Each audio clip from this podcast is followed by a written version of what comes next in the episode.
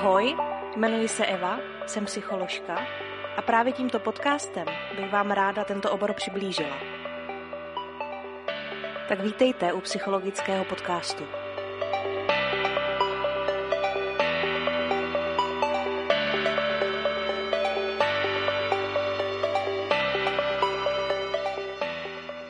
Ahoj, vítám vás u další epizody psychologického podcastu, konečně.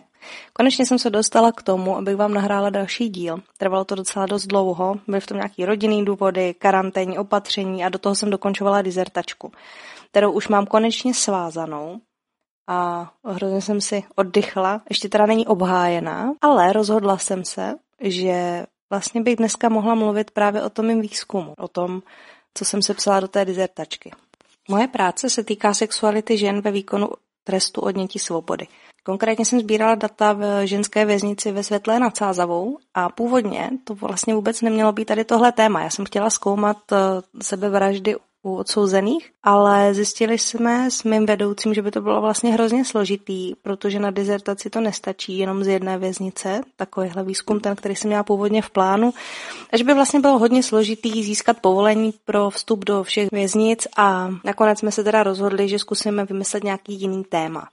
Tak jsme přemýšleli, co by tak šlo a já jsem si vzpomněla, že on eh, kdysi dělal s tehdy vlastně ředitelkou té věznice dotazníkový výzkum. V roce 2011 rozdali dotazníky 752 ženám v té věznici a dotazovali se jich, um, jak řeší svoji sexualitu, jestli navazují mezi sebou vztahy ve vězení a podobně. A byli docela překvapení, protože se jim vrátilo 339 dotazníků, kde byly ty ženy hodně otevřený a podělili se o své zkušenosti. Většina výzkumu tady na tohle téma probíhá v mužských věznicích a protože sexualita je základní lidská potřeba, která ve věznici vlastně je omezená, tak nás zajímalo hlubší porozumění tomu tématu.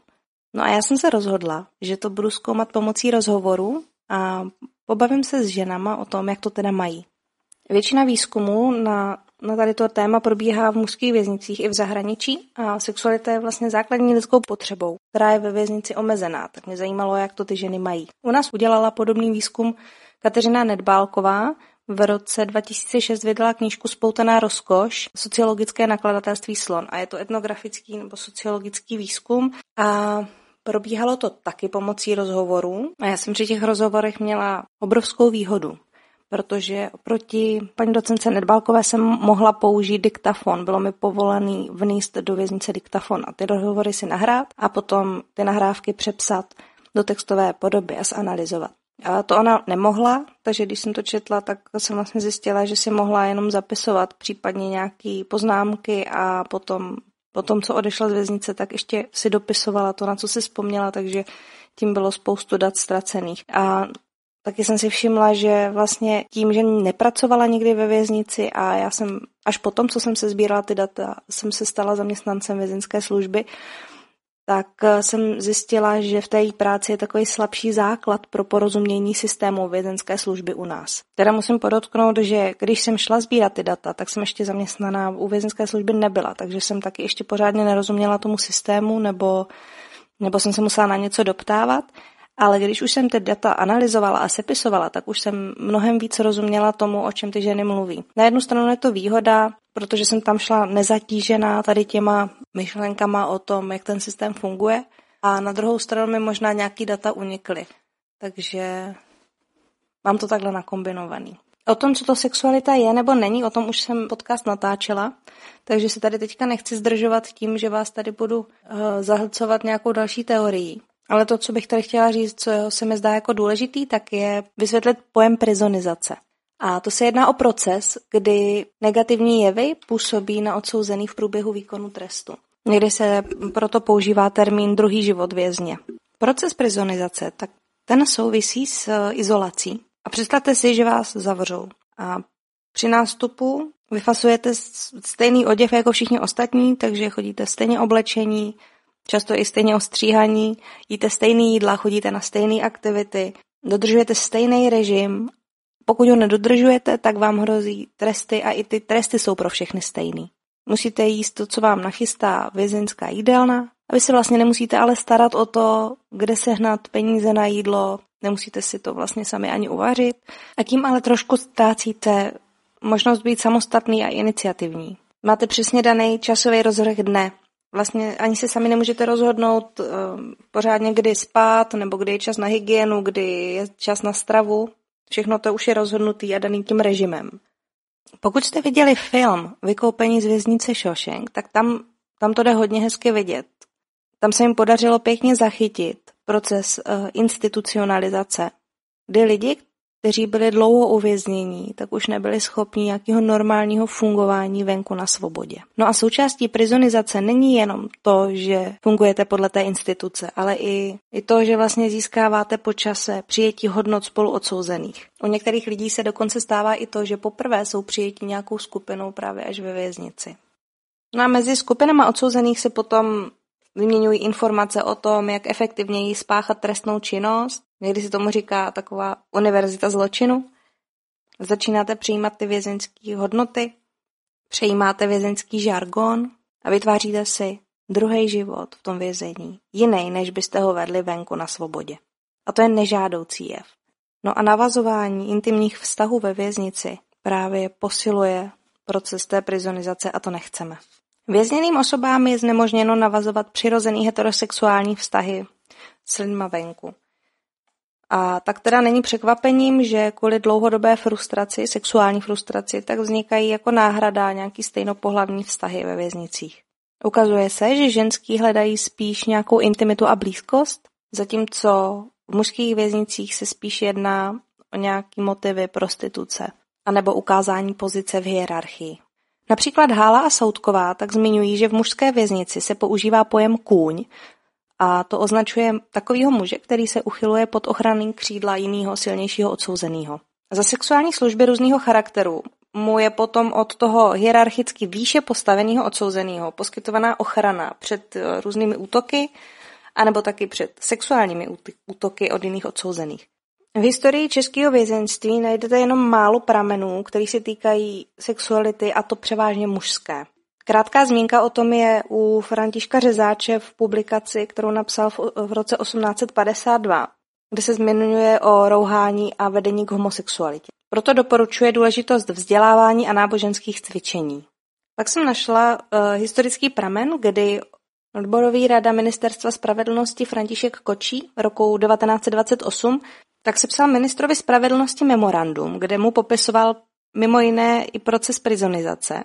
A on vypozoroval, že prázdné chvilky nutí ve společném žaláři ostatní trestance k tomu, že se mezi sebou vychloubají, kdo se jakým činem provinil a taky upozornil na to, že až po čase zmizí stud a otupuje se mravní cit, tak se objevují i výstřelky sexuality. Taky se tam věnuje tomu, že po nástupu do trestnice je náročný zvládnout absenci sexuálního vybití. V časopise Historická penologie jsem našla dopis z archivu vězenské služby a ten zní takhle, tak, tak vám ho přečtu. Eh, na lidi zvyklé pravidelnému životu pohlavnímu doléhá těžce ztráta pohlavního styku. Podráždění z neukojeného sexu hárá někdy z celé osobnosti vězňovi – Nadprůměrně silný mladý muž, velmi znětlivý a dráždivý, přiznal se mi jednou v pláči, že mívá čtyřikrát i šestkrát týdně poluci a že je tím celý utýraný. Žádal lékaře o radu a ten mu doporučil zemědělskou práci, aby denně vyčerpával co nejvíce své tělesné síly a upadal v hluboký spánek, ale nebylo možno mu vyhověti, poněvadž měl pikati ještě značnou část trestu. Hladík třeba popisuje případ z historických pramenů Valdické věznice z dubna roku 1939, kdy dozorcem byl přistižen chovanec při homosexuálním styku a ten chovanec se tak moc bál potrestání, že druhý den spáchal sebevraždu. Následně se ukázalo, že homosexuální styky probíhaly i mezi více chovanci. A ta událost tehdy motivovala ředitele ústavu ke snaze o vybudování zahrady a hřiště, kde měli chovanci vybíjet svou energii hrou a cvičením – ale to se nakonec nesetkalo s pochopením a podporou pro realizaci. No a třeba po druhé světové válce v Mississippi mohli odsouzení využívat tzv. červených domů a ty byly zřízeny pro sexuální styk s manželkami. Tím se nechali inspirovat v Mexiku, Brazílii i Bolívii. No a v Kolumbii tak tam mysleli i na svobodný odsouzený muže. Pokud se chovali slušně, tak měli možnost za vlastní úhradu v doprovodu dvou dozorců strávit jednou měsíčně dvě hodiny v nevěstinci – Po návratu z nevěstince se museli vydezinfikovat. No a u nás se problematice sexuálního života odsouzených věnovala pozornost až o 40 let později. Přitom návštěvy nevěstinců teda povoleny nebyly. Takže když jsem hledala nějaký informace o tom, jak je to v Česku, nějaký oficiální dokumenty vězinské služby České republiky, tak jsem našla hrozně málo zdrojů týkající se sexuality odsouzených. A buď se to týkalo historie, anebo mužské populace. O ženách jsem toho nenašla. Hrozně, nebo vlastně skoro nic. Narazila jsem na rozhovor s Kamilou Meclovou, bývalou vězinskou psycholožkou, ředitelkou věznice a generální ředitelkou vězinské služby, která pro rozhovor pro časopis České vězinství uvedla, že v mužské věznici to je jednodušší, protože chlapy jsou otevřenější a citelnější v problematice, se kterou se obrací na psychologa, když to ženy předstírají spoustu pseudoproblémů. A než se dostanete k tomu, co je vlastně skutečným problémem, tak se musí vynaložit hrozné energie. A že ženy jsou nejenom mnohem složitější a dalo by se říct, že i záludnější, že jsou schopny vytvořit obrovský řetěz intrik, aby poškodili tu, která se jim zrovna znelíbila. No a dodává, že mezi ženami vznikají často vztahy jako náhrada sexuálních vztahů venku, přičemž odmítnutí lásky je mnohem víc trestáno než mezi chlapy. A právě ženy jsou schopny vymýšlet akty pomsty a jsou schopny to dotáhnout až tak daleko, že třeba zmaří úsilí odsouzené ženy dostat se na svobodu na podmínku. No a přiznává, že e, při svém působení v praxi na postu ředitelky tak řešila nedovolené styky personálu věznice s odsouzenými, včetně styků sexuálních. Pak bych tady chtěla zmínit právě ten e, výzkum docentky Nedbálkové, jak už jsem zmiňovala na začátku, že vydala tu publikaci v roce 2006. Ale mohla bych vás uh, odkázat na podcast Vyhonit ďábla, kde jsem slyšela rozhovor kde tam s ní vedli rozhovor na to téma. Takže pokud se vám to nechce celý číst, tak si můžete ten rozhovor poslechnout, abyste měli nějakou představu. Ale teď už k tomu mýmu výzkumu. Já jsem si pokládala otázku, jak ženy ve výkonu trestu odnětí svobody prožívají svoji sexualitu a vztahy. Data k výzkumu jsem sbírala ve věznici Světlá nad Sázavou, což je ženská věznice, a měla jsem celkem 19 rozhovorů, kterých jsem si mohla nahrát na diktafon. Potom jsem ty nahrávky přepsala do textové podoby, abych je mohla analyzovat. Rozhodla jsem se použít interpretativní fenomenologickou analýzu. Ta se používá tehdy, pokud chcete tomu fenoménu, který zkoumáte, porozumět skrze zkušenost člověka, který si ten fenomén zažil nebo jej prožívá, takže zkráceně jeho očima, jeho, jeho pohledem. A taky se to osvědčilo při výzkumu neobvyklých skupin osob a to ženy ve výkonu trestu nepochybně jsou. Zapojilo se teda celkem 19 žen a v odborné literatuře se teda doporučuje při tomhle typu výzkumu, při dizertační práci, obvykle 4 až 10 osob. Takže mě to trošku zkomplikovalo tu práci, protože 19 žen pro tenhle typ analýzy je opravdu hodně. Do výzkumu jsem vzala ženy, které byly ve výkonu trestu aspoň jeden rok, aby už měly nějakou zkušenost, anebo aby tam byly minimálně půl roku, ale zároveň aspoň po druhé. Já jsem se snažila předejít tomu, aby se eliminovala část žen, která neměla kvůli krátkosti pobytu ve věznici vytvořenou nějakou zkušenost s tím pozorovaným jevem. A taky jsem brala v úvahu režim věznice, a, protože když nastoupíte do vězení, tak jste prvně na nástupním oddělení a tehdy nejste ještě plně zapojeni do běžního denního režimu ve výkonu trestu. Proto jsem nechtěla vzít někoho, kdo je třeba ve vězení, já nevím, měsíc a ještě by mi k tomu asi neměl moc co říct. Ženy samozřejmě byly seznámeny s tím, že, že si je nahrávám na diktafon, souhlasili, podepsali informovaný souhlas s tím, že můžou kdykoliv odstoupit od výzkumu. Samozřejmě všechno probíhalo anonymně. Ještě předtím, než jsem ty data šla sbírat, tak jsem si sepsala vlastní reflexy, to s čím do toho výzkumu jdu. Musím říct, že jsem byla čistě jenom zvědavá. Zajímalo mě, jak ženy prožívají svoji sexualitu v průběhu výkonu trestu. Sama žádnou zkušenost s, výkonem, s výkonem trestu nemám. V době sběru dat jsem za sebou měla jenom několik exkurzí do věznic a byla jsem seznámena částečně s prostory ve věznicích. A takže jsem měla jenom hrubou představu.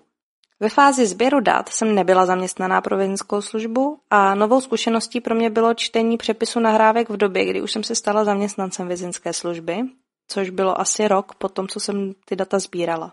Protože z pohledu zaměstnance teďka hlouběji rozumím některým tématům převážně teda těm tématům, který musí řešit ti zaměstnanci. Třeba konfliktů vyvolaných žádlivými scénami a podobně. Co se týká ke specifickému vzorku lidí, tak k odsouzeným necítím nějaký předsudky, nevnímám lidi, kteří mají zkušenost s výkonem trestu jako méně cené, zároveň na sobě já nepozoruju nějaký samaritánský sklon, že bych měla tendenci je zachraňovat, takže tady v tom si myslím, že jsem měla docela čistý přístup.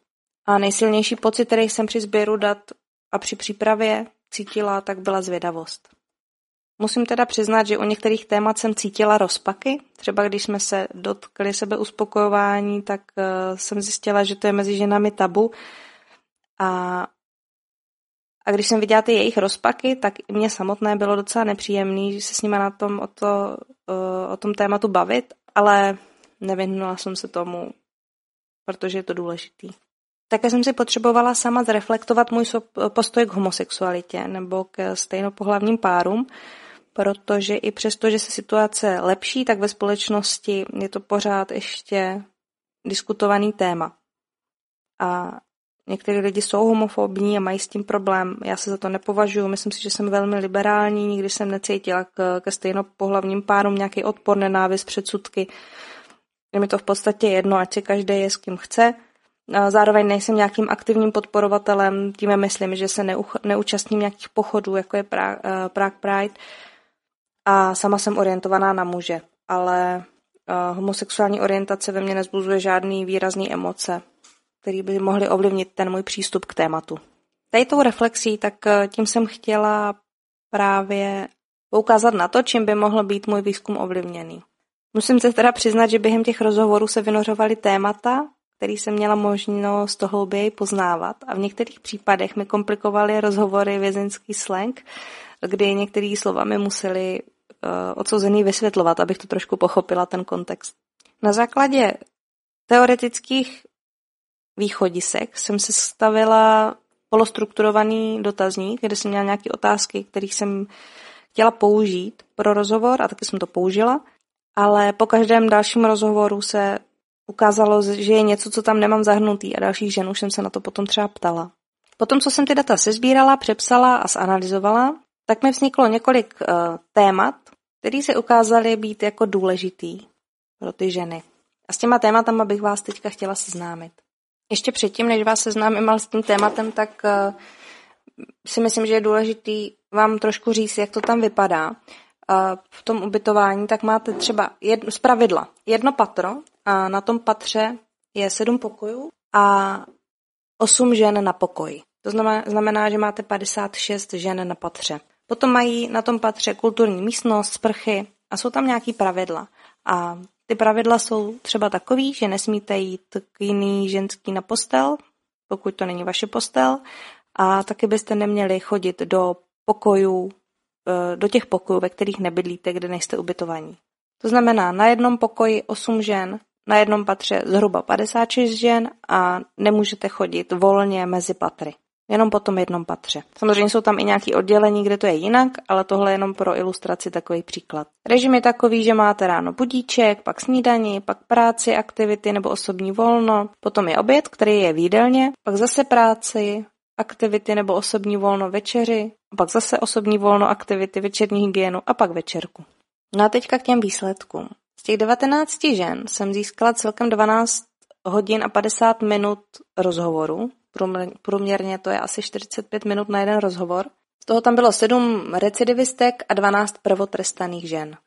Byly tam za různý trestní činy, za krádeže nejčastěji, podvody nebo prodej a distribuci drog, ale objevily se tam i ženský, který měli za sebou paragraf vraždy nebo obchodování s lidmi, porušování domovní svobody, ale nejčastěji teda ty krádeže a podvody a drogy. No a celkem jsem rozklíčovala šest témat, které se tam objevovaly v rozhovorech. První téma se týká významu přikládaných sexualitě. Ukázalo se, že pro ženy je sex důležitý, ale důležitější jsou spíš city a zblížení. To fyzické uspokojení je až v podstatě na druhém místě. No a pro ilustraci, aby se vám to líp představovalo, tak tady mám i nějaký úryvky z těch rozhovorů, který vám vždycky přečtu, který vystihují to téma. Třeba respondentka Táňa, jména jsou samozřejmě smyšlený, Respondentka Táňa říká, jo, to jsou právě ty city. Já potřebuji mít někoho ráda, aby měl někdo rád mě. To je to nejdůležitější. I kdybych toho člověka neměla, i kdybych se toho člověka neměla dlouho dotknout, tak mě to nebude dělat problém. Na tohle já nejsem. Takže, ale je to hezké, když jsou dva lidé blízcí, to se mi zase líbí. Pro ženy byla často důležitá blízkost, co se týká vztahu ve výkonu trestu. Ale popisovali spíš pobláznění než lásku a to kvůli tomu, že kdyby se opravdu zamilovali, tak měli strach ze zranění nebo i z toho závazku. Protože představte si, že jste ve výkonu trestu, navážete vztah, zamilujete se a ta žena potom jde domů, protože jí skončí trest a vy tam zůstáváte v té věznici. A to bývá docela častý problém. Respondentka Bára uh, to popis, popisuje takhle. To je hrozný, zamilovaná jsem. A neměla jsem u ní pocit fyzického kontaktu, jako co se týče sexu. Jsme si tak rozuměli, že mi stačilo, že jsme spolu leželi. Nepotřebovala jsem to. Stačilo mi pohlazení polibek. Ale sex se ženou je krásný pocit. A smála se. A bála jsem se toho moc. Takhle to popisovala Bára. A, a když jsem se jich ptala, co z toho vztahu vlastně mají, tak se ukázalo, že i tohle je takové, taková důležitá věc. A, to je zisk ze vztahu. A to, co oni získávají, tak je naplnění citové prázdnoty, nebo taky krácení si volný chvilky a zpříjemnění si trestu. Moc často se nevyskytovalo to, že navazují vztah nebo poskytují sex kvůli materiálu a prostituci. Taky se to objevuje, ale nebylo to tak častý, jak jsem předpokládala. Třeba respondentka Olga tak tato popisuje takhle. Určitě tak, aby vám utíkal čas tady. Musí tam být nějaká ta jiskra. Musíte si s ní rozumět. Dejme tomu tady v tom kriminále, když máte pár let, tak vám udělá radost třeba, když přijdete z práce a ten druhý na vás čeká, jo? Nebo vám vypere ustele, prostě takový výpomoce. A tady vlastně jste opuštěný. Takže tady víc potřebujete, tady vám chybí ty, mm, tady se cítíte osamocen prostě. Co se týká té sexuality, tak samozřejmě se objevuje flirtování. Ženský si testujou, jestli by ta odsouzená s nima šla do vztahu. Je to braný i tak trošku jako sranda, a některé ženy se toho bojí. Někdy to vede ke konfliktům anebo žárlení. Žárlení to vede tehdy, pokud je žena zadaná a flirtuje s nějakou třetí. Takže ta její partnerka potom samozřejmě žárlí a vznikají z toho konflikty. Třeba respondentka Petra, tak uh, to popisuje jako, no jistě, no hodně, hodně po mně odsouzené výjíždí a je to docela nepříjemný. Ale vy jste psycholog. Mně se to, je, mně se to líbí, ale pro partnerku je to zlo. Mně by to nevadilo, ale uděláme to problémy, i když je to příjemný. Já s tím pracuji 25 let, takže ona ale někdy je žárlivá. Pohádali jsme se kvůli cizím lidem. Další mínus tady v lesbickém vztahu. O setkávání se s flirtováním hovořilo víc než polovina žen a ve věznici to tedy není nic neobvyklého. Záleží na tom, jak se k tomu daná žena postaví. No a docela mě překvapilo, že ani jedna z žen neuvedla, že se setkala s nějakou formou nátlaku, ale přitom se ví z výzkumu, že nějaká, nějaký nátlak nebo nějaký násilí, sexuální násilí ve věznicích je. Pro mě bylo otázkou, uh, jestli jsem buď nenarazila na ženy, které by byly ochotní o tom mluvit, nebo který by s tím měli zkušenost, anebo je to prostě tabu, o kterém se nemluví. Jako druhý téma, který se ukázalo důležitý pro ženy, byl život mimo mříže to, jak to bylo venku a jak to bude venku. Každá ženská totiž od někud přichází a bude se zase někam vracet, do nějakého prostředí mimo věznici.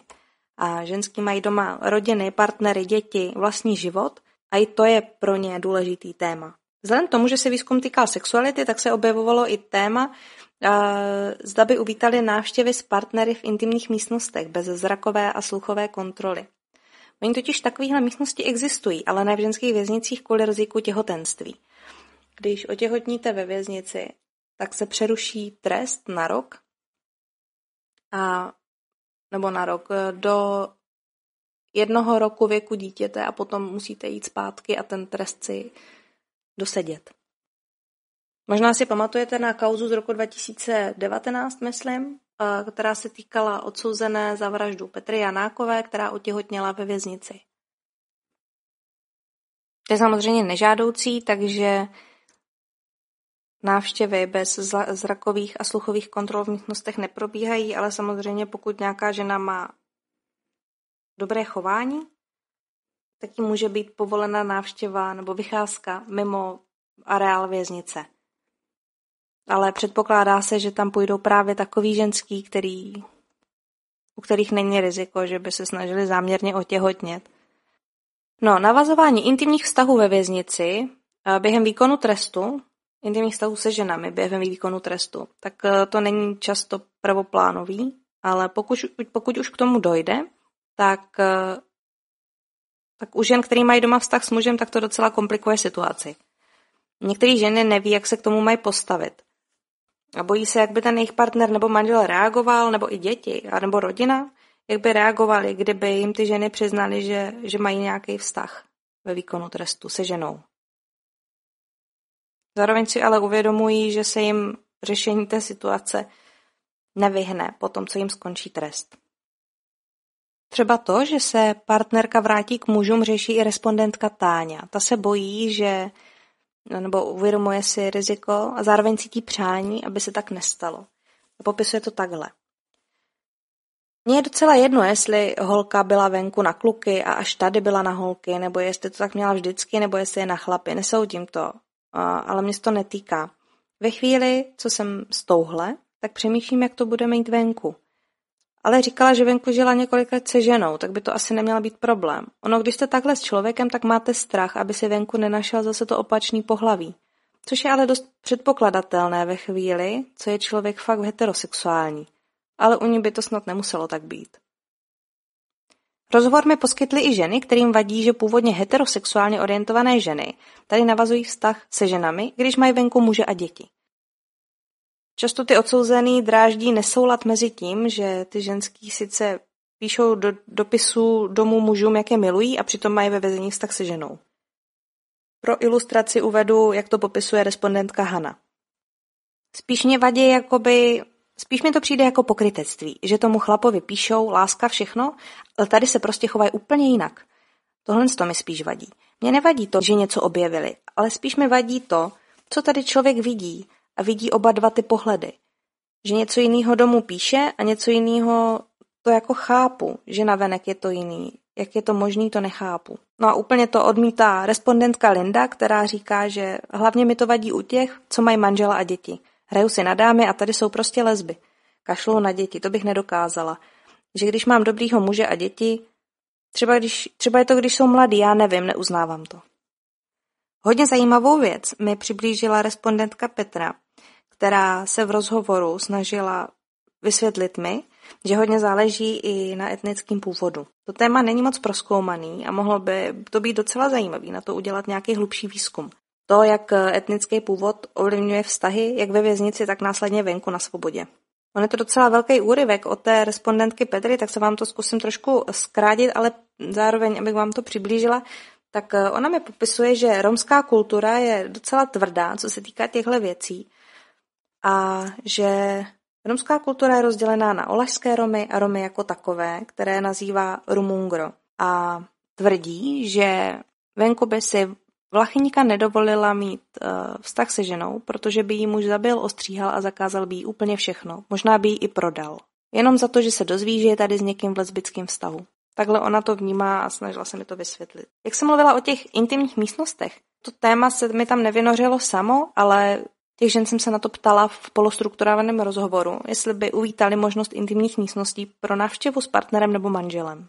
Ono, i když ty místnosti existují a jsou k dispozici, tak se ukazuje, že vůbec nejsou využívány za účelem sexu. Spíš se jedná o to zajistit rodině a dětem soukromí, aby mohli spolu chvilku pobít a nemuseli být uh, pořád pod dozorem příslušníků vězinské služby a personálu.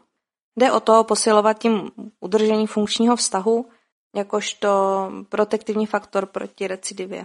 Vězenská služba totiž z důvodu rizika otěhotnění nestandardní návštěvy žen za mřížemi sice neumožňuje, ale návštěvy bez zrakové a sluchové kontroly ano a v praxi ty odsouzený.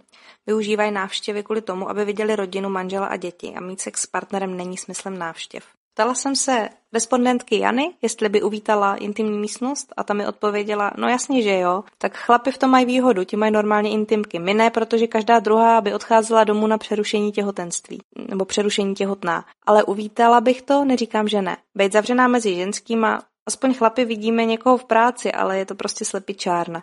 Prostě přijdete do kontaktu s lidma a řešíte něco jiného než tady. Tady je to dokola. Kafe, tabák, buzerantky.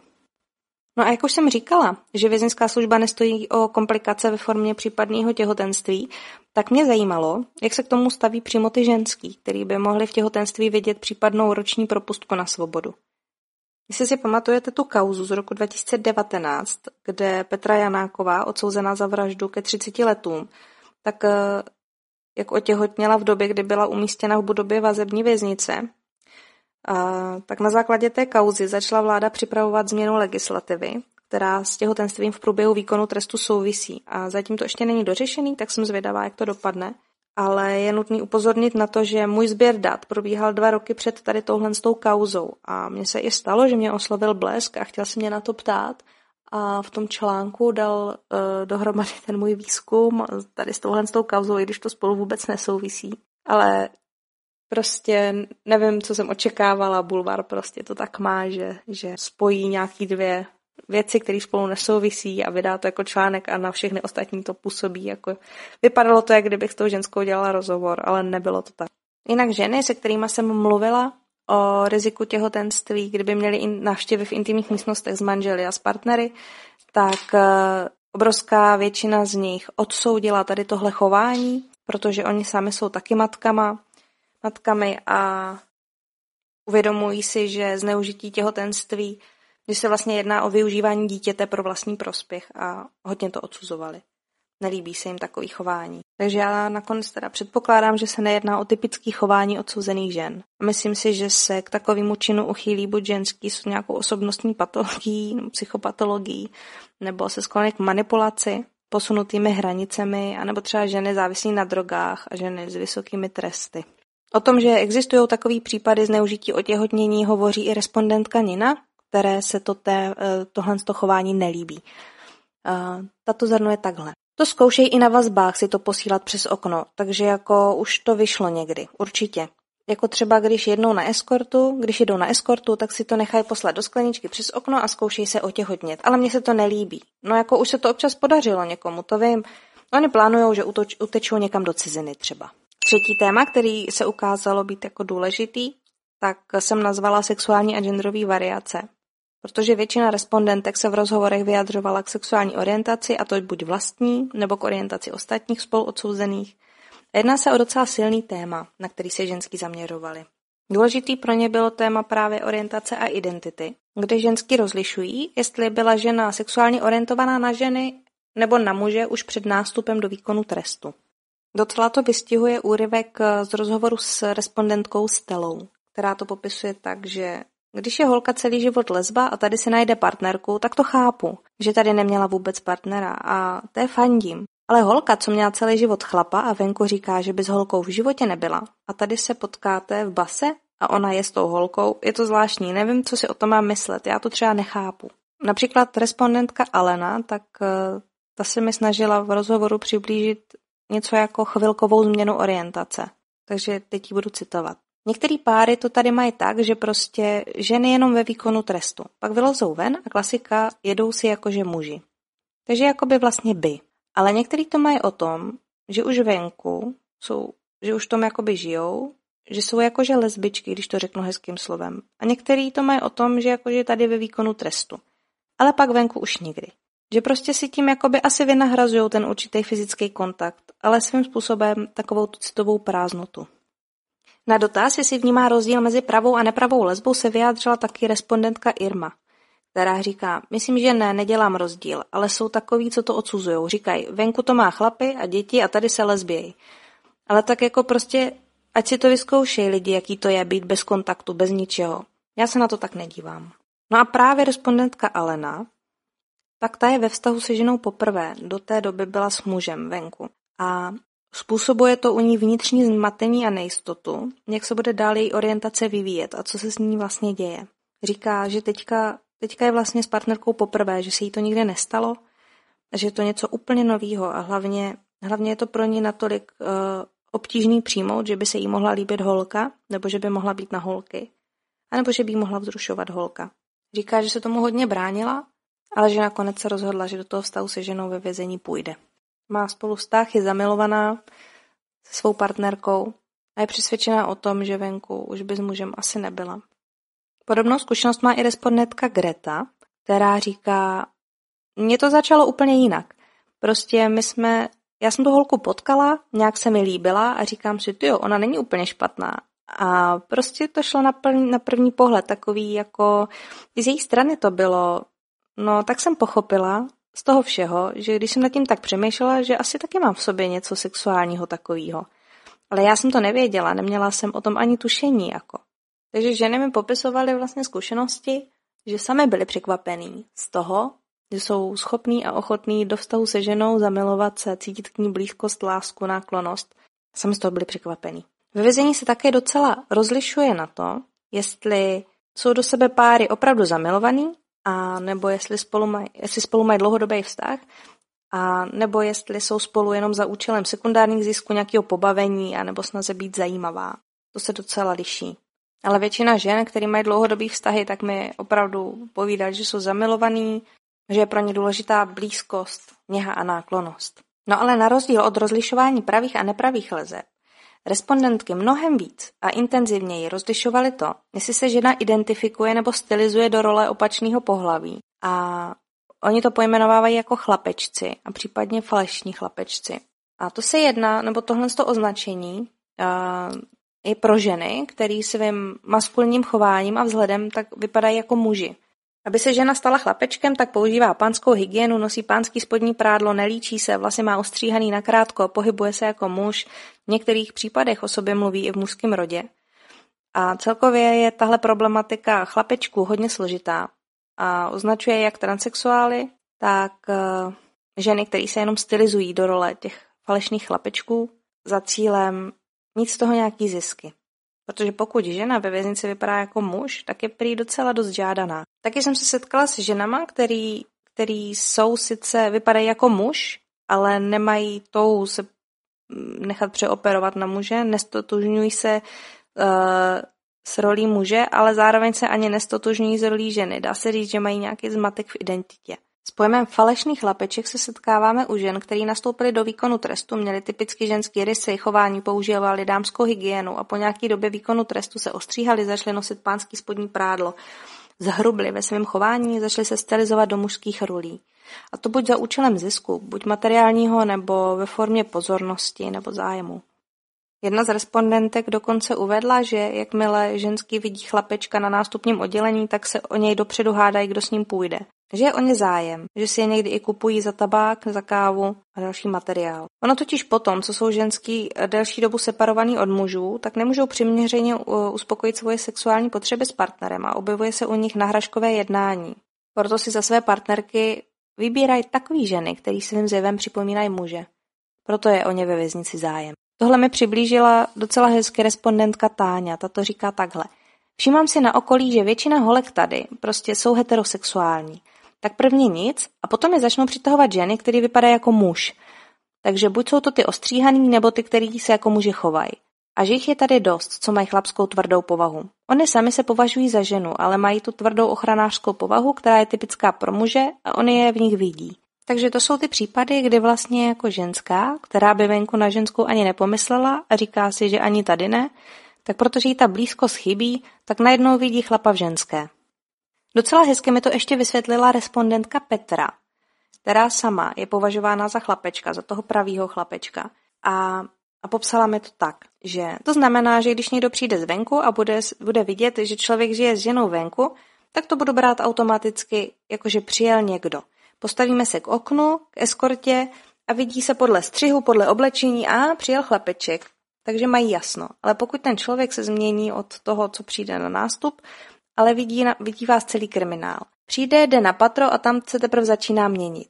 Slyší na nástupu, že to tak má udělat, že se bude mít úplně krásně, protože na ní holky poletí. Kouzlu chlapečku podlehla i respondentka Greta, která se o svoji zkušenost se mnou taky podělila a vnímá to s humorem, a nepřerostlo to v hlubší vztah, pravděpodobně byla zvědavá. Rozhodla se se svou sexualitou experimentovat a ta uvedla, že uh, přišla jsem a tam samý ženský a ona mezi něma jako kluk. A já, jako tady jsou mezi náma i chlapy, to byste musela vidět.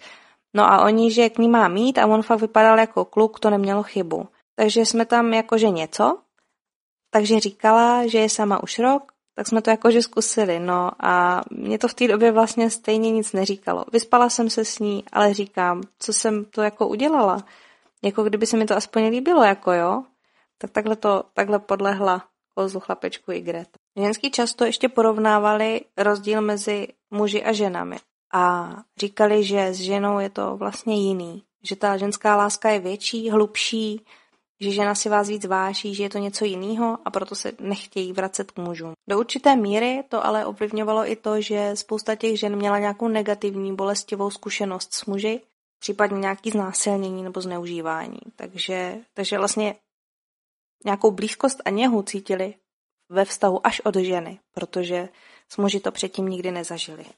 Čtvrtým tématem jsou nežádoucí faktory, které se ukazují být jako důležitý a jedním je právě ta prizonizace, o které jsem mluvila už na začátek. Ty ženský si uvědomují moc dobře, že pokud navážou vztah se ženou, tak se do ní zamilujou, ale zamilujou se do někoho, kdo je taky ve vězení. A tím, že se upnou na tu ženu, tak se upnou i na ten kriminál a budou chtít být v té věznici s partnerkou. Jde o to, že se na partnerku nějak citově navážou a a nemusí vlastně jít přímo o to, že se přeruší vztah z důvodu, že jedné z nich skončí trest. Ale riziko je i to, že, že budou od sebe separovaný kvůli tomu, že budou rozestěhovaný. Oni do toho taky nemůžou mluvit, rozestěhovává personál a z nějakého důvodu může jít jedna na jiný patro, nebo úplně na jinou budovu, nebo dokonce i do jiné věznice. A oni nemají možnost do toho nějak zasáhnout a je to čistě v moci rozhodnutí věznice. Docela vystižně to popisuje Greta. Ta říká, musí mít člověk hranici, co si může dovolit. Já jsem si semka nepřišla dělat život. Ani se nesmířím, že tady budu tak dlouho. Chci vypadnout a žít budu až venku. No a nebo třeba respondentka Irma, tak ta má sama zkušenost přenesenou. U spolu odsouzených totiž viděla, že separace, kdy jedna z žen odchází z výkonu trestu, byla pravděpodobně emočně docela vypjatá. Popisuje to takhle. Třeba teď jsem zažila, že vlastně tady byly dvě holky spolu. Jedna měla výstup a je to smutný, že místo toho, aby se těšila, že jde domů, tak byla smutná. To je zvláštní, takový smutný, nevím, no. A to jsem viděla takhle poprvé, to bylo hustý. Takže z toho vyplývá, že vytváření milostných vztahů není pro vězenskou službu žádoucí. Ptala jsem se žen, jak vnímají postoj personálu ke vznikajícím milostným vztahům. Většina z žen říkala, že sexualita je zakázaná, nebo že to zakážou, ale stejně se nedá nic změnit, protože je to všude. Třeba Cilka, tak ta to popisuje takhle. Já si myslím, že by proti tomu Oni to chápou, jsou tolerantní, ale veřejně to nejde, nesmí se to. Je to zakázaný v kriminále, že jo? Nějaký vztah. Každý to ví, kdo s kým je, ale nesmí se to dělat veřejně. Problémy by byly. Rozhodili by je třeba na jiné patro. Jsme v kriminále, proto to není povolený. Jsme tu za trest, ne abychom měli nějaký to. Je to součást trestu. No jde prostě o to, že Tolerování párů se odvíjí od toho, jestli ten pár narušuje nebo nenarušuje chod věznice a jestli obtěžuje svým chováním ostatní odsouzený. Ženský to sice popisovali jako zákaz, ale nejedná se přímo o zákaz. Ono hodně záleží na chování žen, který se do vztahu dostali, na tom, jestli neporušují pravidla věznice, nebo jestli neobtěžují tím vztahem někoho ostatního, buď žárlivými scénami nebo hlučnými projevy. Třeba respondentka Emma, tak tam mi přímo popisovala, že je ve vztahu se ženou, ale vzhledem tomu, že u nich žádný žádlivé scény nevznikají, dodržují vnitřní řád věznice a svým vztahem nezasahují do osobní zóny druhých lidí, tak se setkala s docela lidským přístupem a pochopením. No a jak jsem tu mluvila o žárlení a o konfliktech, tak to je právě ten důvod, proč ty vztahy ale nejsou podporovaný. Nežádlí se na to, co bylo venku, protože skoro každá ženská má nebo měla venku muže, ale žárlí se na ty vztahy uvnitř vězení. Situace se může komplikovat a může dojít až k bitkám nebo no a nějakému následnému rozestěhování. O tom hovoří třeba respondentka Hanna. Ta jsem se ptala, jestli vznikají ve vězení milostní trojuhelníky. Ta mi potvrdila, že ano. Vyjadřuje se takhle. Jsou tu holky, které jsou tu delší dobu a ty přijdou na patro. Během dvou dnů mají nějakou holku, pak se poperou, že jo, a jde se na jiný patro. A zase. A furt je to jako dokola. Takže pak do půlky kriminálu nemůže, protože má všude bezpečáky. A taky by se tam mohla s někým poprat skrz tohle. A to prostě obtěžuje, že jo? Ať chce nebo nechce, nechápe to člověk. Nebo třeba respondentka Olga říká, tady jsou bitky, hádky, oni mají výstupy, mezi tím si tady najdou jinou, přijde a boj, bijou se. Vedení to neschvaluje a to je dobře. Kromě žádlivých výstupů se bohužel vězenská služba setkává i s vážnějšími potížemi, který zapříčinují ty milostní vztahy a jsou to třeba konflikty ve formě fyzického násilí. Popisuje to například Táňa, která se setkala i s vrháním nábytku. Jo, kvůli žárlivosti to jo, to byly scény. Já to nedělám, jako nebyla to scéna. Jen jsem jí to v klidu řekla, že jsem žárlila, ale na jídelně minulý rok byly dvě spolu, nebydleli spolu a jedna byla se mnou na patře a ta druhá byla níž a měla poměr na chvilku s jinou holkou. Ta moje spolubydlící se to dozvěděla, ona měla ještě sestru na jiném patře a když jsme šli všechny na jídelnu, tak ta, co měla poměr, tak si něco řekli, vyšlo to blbě, že si sedli naproti sobě, ale o stůl, jo. A ta sestra, prvně ta podvedená holka, tak eh, té jedné vylila do obličeje čaj a potom ta její sestra vzala židli a hodila ji přes stůl. Úplné zbytečnosti. Ale akce to byla, ještě že jsem to neschytala. No a dokonce jedna z respondentek se přiznala k tomu, že sama iniciovala násilí proti druhýmu a tentokrát se jednalo o fyzický napadení personálu. Důvodem nebyla žárlivost, ale snaha dostat se na stejné oddělení, kde byla její partner, takže vám to ocituju. Mám tady jednu zkušenost se vztahem. Stálo mě to ještě 18 měsíců navíc. My jsme k sobě chtěli se dostat, tak jsem napadla velitelku a dostala jsem 18 měsíců, protože tady to chtějí rozdělovat. K tomu musím podotknout, že jim to nevyšlo, tady tenhle ten plán. Ukazuje se, že rozestěhované ženy totiž eh, vymýšlí, jak se k sobě dostat. V rozhovorech se mě velmi často objevovalo, že se ve věznici některé ženy záměrně sebe poškozují po předchozí domluvě, aby byly převedeny na ošetřovnu, kde mají šanci být spolu. Zároveň chci ale uvíct, že o zneužití ošetřovny a sebepoškozování hovořilo sice hodně ženských, ale žádná z nich toho nikdy nevyužila, naopak takový chování odsuzovala. Potom, co se to docela často opakovalo, to, že ženy eh, odsuzovaly jiný ženský, který se třeba opaří, aby mohli jít na ošetřovnu a tam se potkali se svou partnerkou. Tak jsem se jich na to ptala a třeba jedna z respondentek, když jsem se jí ptala, jestli by byla schopná si za tím účelem ublížit, tak se smála a říkala, že sama sobě ne, že radši ublíží někomu jinému. Takže bohužel se ukázalo, že tohle je docela důležitý téma kvůli tomu, že přesahuje do praxe a ukazuje se, že ty vztahy můžou narušovat bezpečný chod věznice a rozhodně by to stálo teda za hlubší proskoumání. Jak jsem vám přibližovala to, jak to tam vypadá, že tam je těch sedm pokojů po osmi lůžkách a 56 žen na patře, pak tam mají kulturní místnosti a sprchy, tak si umíte představit, že soukromí je vlastně luxusem a vzácností. Mě teda zajímalo, jak se dá teda udržovat erotický vztah tady v těchto podmínkách. Soužití, co ukázalo být jako pátým důležitým tématem. Ono totiž některý odsouzený neberou ohledy na ostatní a páry svými aktivitami obtěžují spolubydlící. A to může být další příčinou konfliktu a napětí. Jedná se totiž o to, že pár svými aktivitami může zasahovat do prostoru druhých. Vzniká tak situace, kdy je odsouzená v intimní zóně někoho jiného, aniž by o to sama stála. Většině ženským nevadí, že jsou páry ve věznicích, ale nechcou do toho být vtahovaný. Třeba respondentka Alena mluvila o tom, že že by páry měly, být, měly brát větší ohledy k ostatním spolubydlícím. Ona sama je ve vztahu, ale zakládá si na tom, aby bylo všechno, co se vztahu týká, separovaný od soužití s ženami na patře. Popisuje svou zkušenost takhle. No, viděla jsem prostě všechno. Ježíš Mare, já jsem se tak styděla. Šla jsem do další místnosti, kde vlastně máme takovou místnost, kam se odkládají zimní věci, jako je šála, vaťák, takový to sako dlouhý. No a pod vaťákem byl další pár. No a já, to snad není možný. A nebo se člověk probudil a slyšel takový ty zvuky, že prostě někdo nad ním někoho má v posteli. Tohle hodně obtěžuje spíš ty starší ženský, kteří na to nejsou zvědaví. Tomu se mi vyjádřila jedna z respondentek, že byla svědkem sexu, že to viděla, styděla se, i oni se styděli, takže jim vynadala, že na to není zvědavá. Že to mají dělat tak, aby to nikdo neviděl, že s tím sama nechce mít nic společného.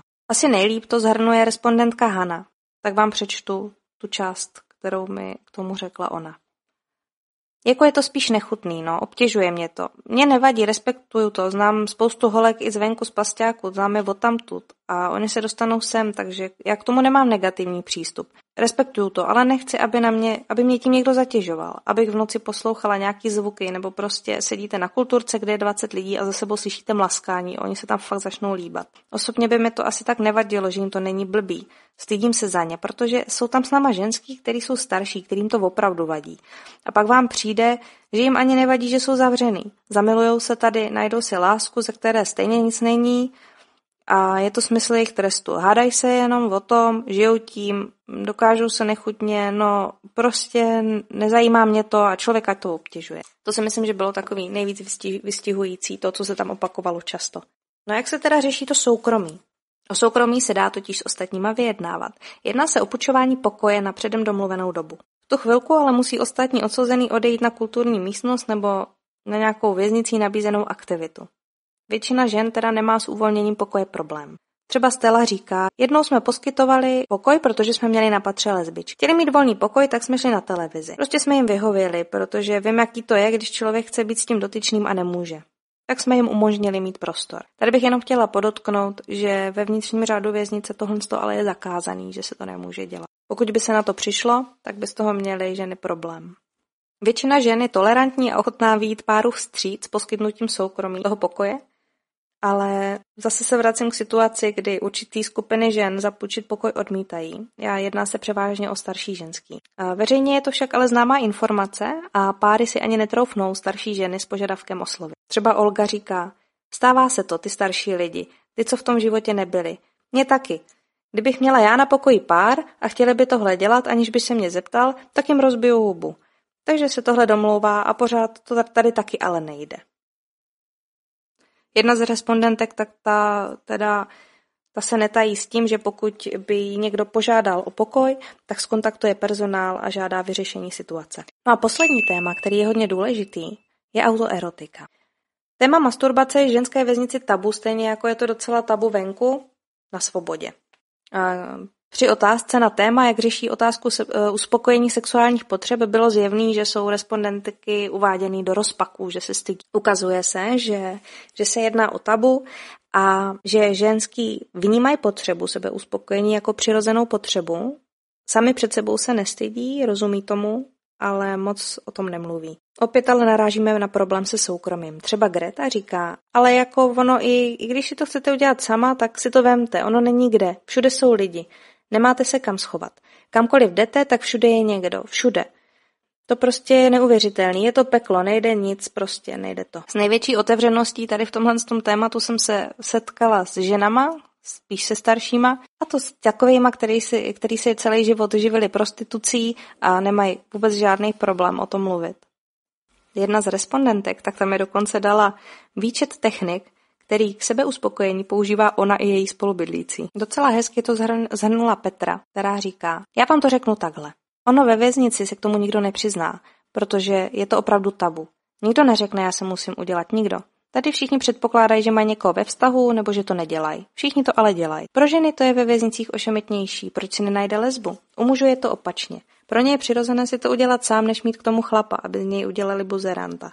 Tak kvůli tomu, a, anebo by se snížili tím. Děláš si to sama, si blbá, někoho, někoho si najdi. Nemluví se o tom. Tenhle úryvek si myslím, že hodně vystihuje to, co se, co se vlastně opakovalo pořád. I přesto, že to je tabu, tak nakonec byly ohledně sebe uspokojování ženy sdílný a podělili se o vlastní zkušenosti a význam, který té zkušenosti přikládají.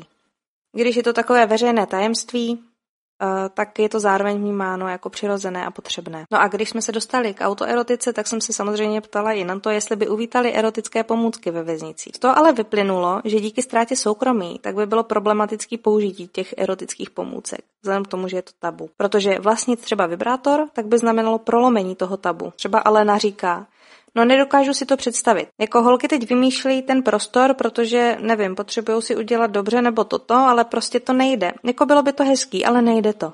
To by museli zřídit nějakou intimní místnost s tím, že by každý věděl jako, hele, ona si dala aktivitu, tak si jde udělat na hodinu dobře. To nejde, Ježíši, abych se propadla hambou. Ale ženský uváděli, že ve věznici je aktuálně populární jako taková erotická pomůcka knížka 50 odstínů šedi, která slouží pro rozvíjení erotických představ. Asi pět žen mi řeklo, že by teda uvítalo nějaký pornočasopisy nebo nějaký erotický pomůcky. Mezi erotické pomůcky se řadí ještě takzvaný eroťáky. To jsou dopisy, které dostávají buď od partnerů nebo manželů, anebo přímo od svých partnerek z věznice. No a ty dopisy slouží k posílení erotických fantazí. Jenže pro některé ženy je problém, že pošta většinou jde přes personál a personál poštu čte. Většina žen kvůli tomu erotiáky moc nechce posílat nebo dostávat, protože se stydí před personálem. Ale samozřejmě se najdou i takový, který do toho jdou. Říkají, že si píšou eroťáky, že je to trošku divný, když to čte vychovatelka a že když předává ten dopis odsouzené, takže se usmívá a že oni vždycky jdou s hlavou dolů, protože jim je jasný, co v tom dopise je. No a pro pobavení, tak eh, jsou tady i nějaký kreativní řešení a jako příklad vám dám to, co uvedla respondentka Cilka. No a pomůcky, tady by si někdo mohl něco vymyslet. Nic tady není, z čeho by se to dalo udělat.